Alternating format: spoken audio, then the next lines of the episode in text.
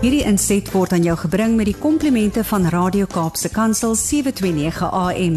Besoek ons gerus by www.cape pulpit.co. Baie baie welkom hier op Radio Kansel se Geestesgesondheid insetsel. Ek is Gerda Kriel, kliniese sielkundige in Somerset West en ek kuier hierdie maand van Mei saam met julle rondom die tema van depressie. Verlede week het ons gekyk na wat die simptome van depressie is En hierdie week kuier ons bietjie meer rondom die tipes depressie wat 'n mens kry. Want soos wat julle verlede week gehoor het, is daar so 'n diverse verskeidenheid van simptome dat daar ook 'n redelike verskeidenheid van soorte depressie is wat 'n mens kan kry. En selfs binne dit is dit belangrik om te weet dat elke persoon se belewenis van depressie heeltemal uniek is en eintlik glad nie met mekaar vergelyk kan word nie. Die eerste tipe depressie wat ons kry, is die klassieke teken, die major depressie. En major beteken eintlik maar groot en dan depressie is wat ons dan maar ken as die geestestoestand wat gekenmerk word met 'n neergedruktheid. So 'n major depressiewe depressiewe episode is 'n tydperk van 2 weke lank waarin jy die simptome van depressie beleef en dit gaan dikwels gepaard met 'n baie ernstige oorweging van die dood of selfdood. Nie almal wat major depressie beleef het 'n selfdoodpoging nie, maar dit is een van die tekens dat dit 'n herhalende gedagte in iemand se gedagtes kan wees wat hulle net nie van ontslae kan raak nie, waarteen hulle net nie kan opstaan nie.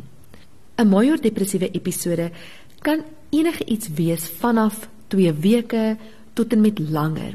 Maar dit kom gewoonlik in episodes voor en dit kan geklassifiseer word as baie ernstig of matig of in Engels is die woord moderate. Maar ons kan dit meet. Ons kan dit meet aan die erns daarvan. Dit is dan 'n tipe depressie wat ons dikwels behandel met antidepressante en met terapie. En soms van tyd tot tyd het mense nodig om opgeneem te word sodat hulle intensiewe behandeling kan kry om die probleem te bowe te kom.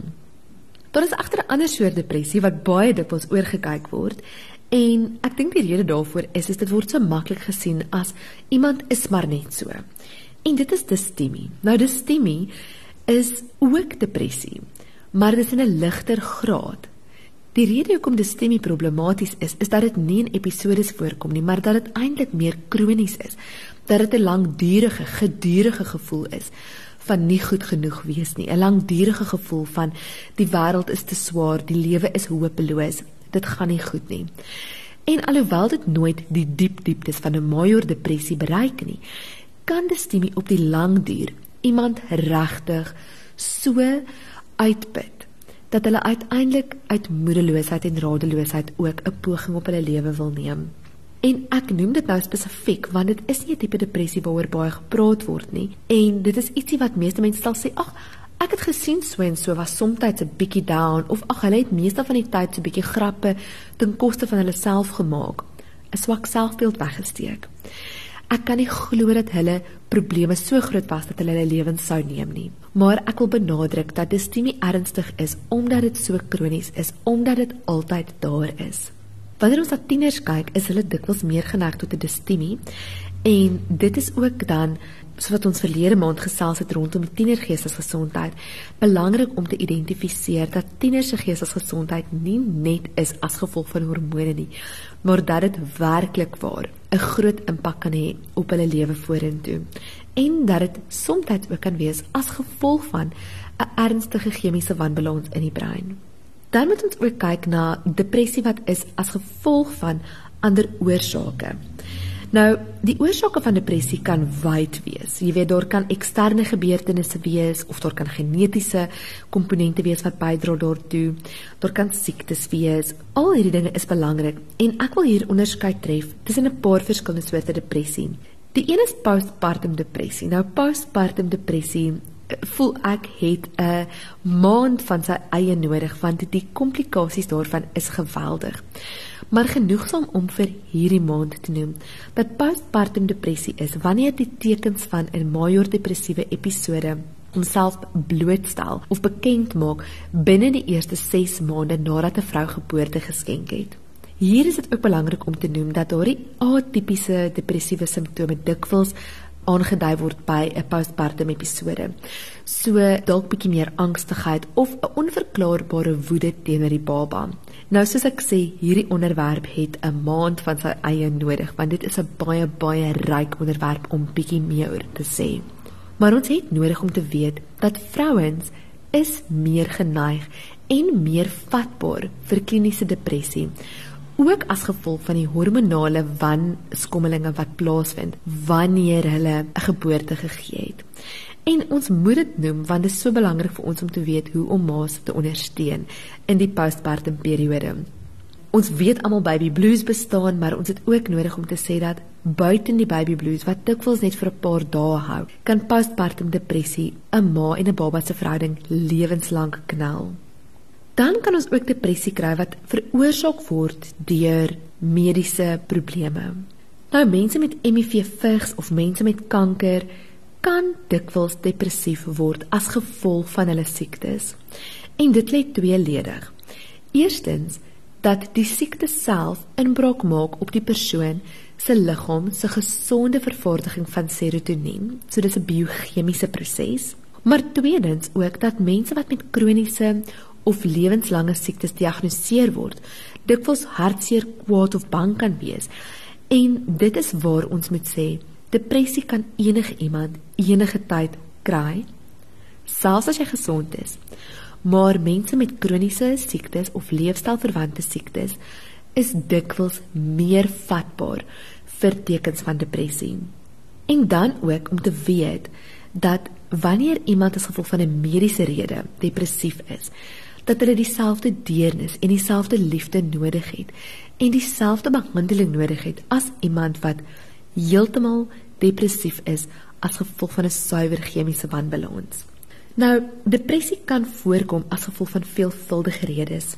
Van die eksterne gebeurtenisse wat kan lei daartoe dat depressie ontwikkel word, is die beëindiging van verhoudings of 'n traumatiese gebeurtenis, Ons almal het al finansiële probleme op 'n stadium in ons lewens gehad en dit kan ook lei tot depressie.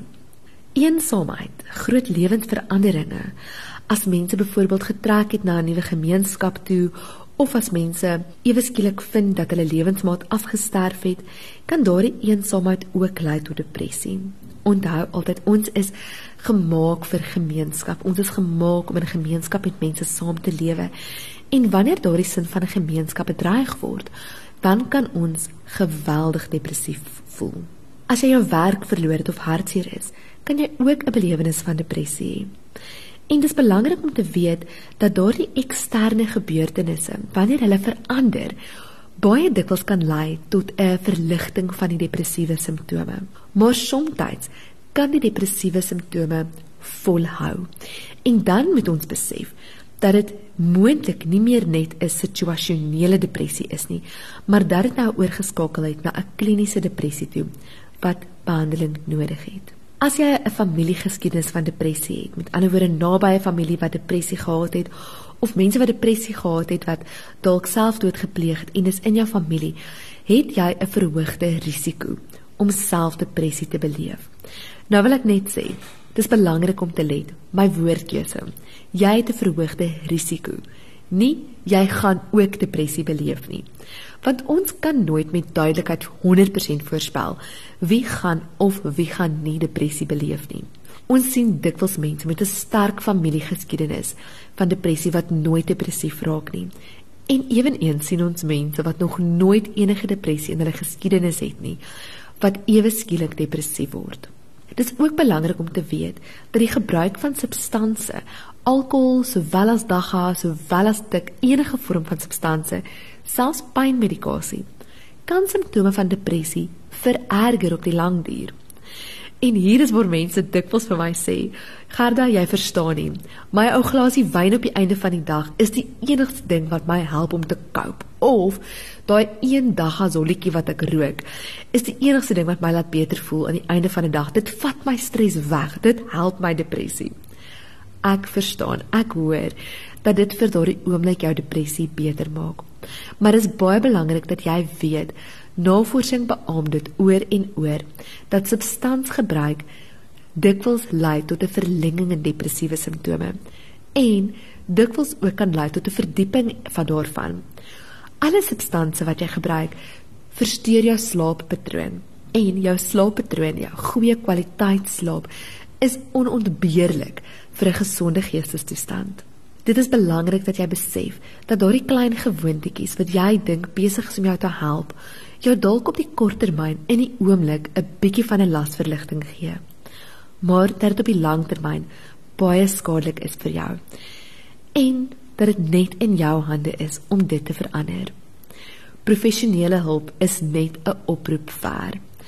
As jy na hierdie twee gesprekke dalk voel jy het professionele ondersteuning nodig, is jy welkom uit te reik na my toe. Jy kan my kry by gardekriel.psychology@gmail.com of op Instagram of Facebook kan jy my gerus ook volg en daar uitreik.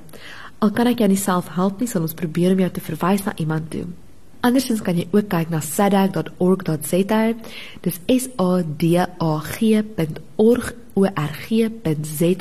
wat 'n ongelooflike hulpbron is vir mense met depressie. Daar is ondersteuningsgroepe, daar is lyste van terapeute, beraders, sielkundiges, psigiaters, mense wat kan help om jou te help om hierdie depressie draak te slay en te oorwin. Onthou altyd dat ons meer as oorwinnaars is in Christus en dat geestesgesondheid nie die laaste sê hoef te hê in jou lewe nie. Somstyds het ons net 'n bietjie ander hulp nodig as wat ons aan gewoond is. En ek hoop werklik waar dat hierdie gesprek hierdie maand dit vir jou moontlik sal wees om die hulp te kry wat jy nodig het. Ek sien uit om volgende week 'n bietjie meer saam met julle te kuier. Volgende week gaan ons praat oor hoe die behandeling van depressie lyk. So bly ingeskakel net hier op Leef. Ek is Gerda Kriel, wees gegroet. Hierdie inset was aan jou gebring met die komplimente van Radio Kaapse Kansel 729 AM. Besoek ons gerus by www.cape pulpit.co.za.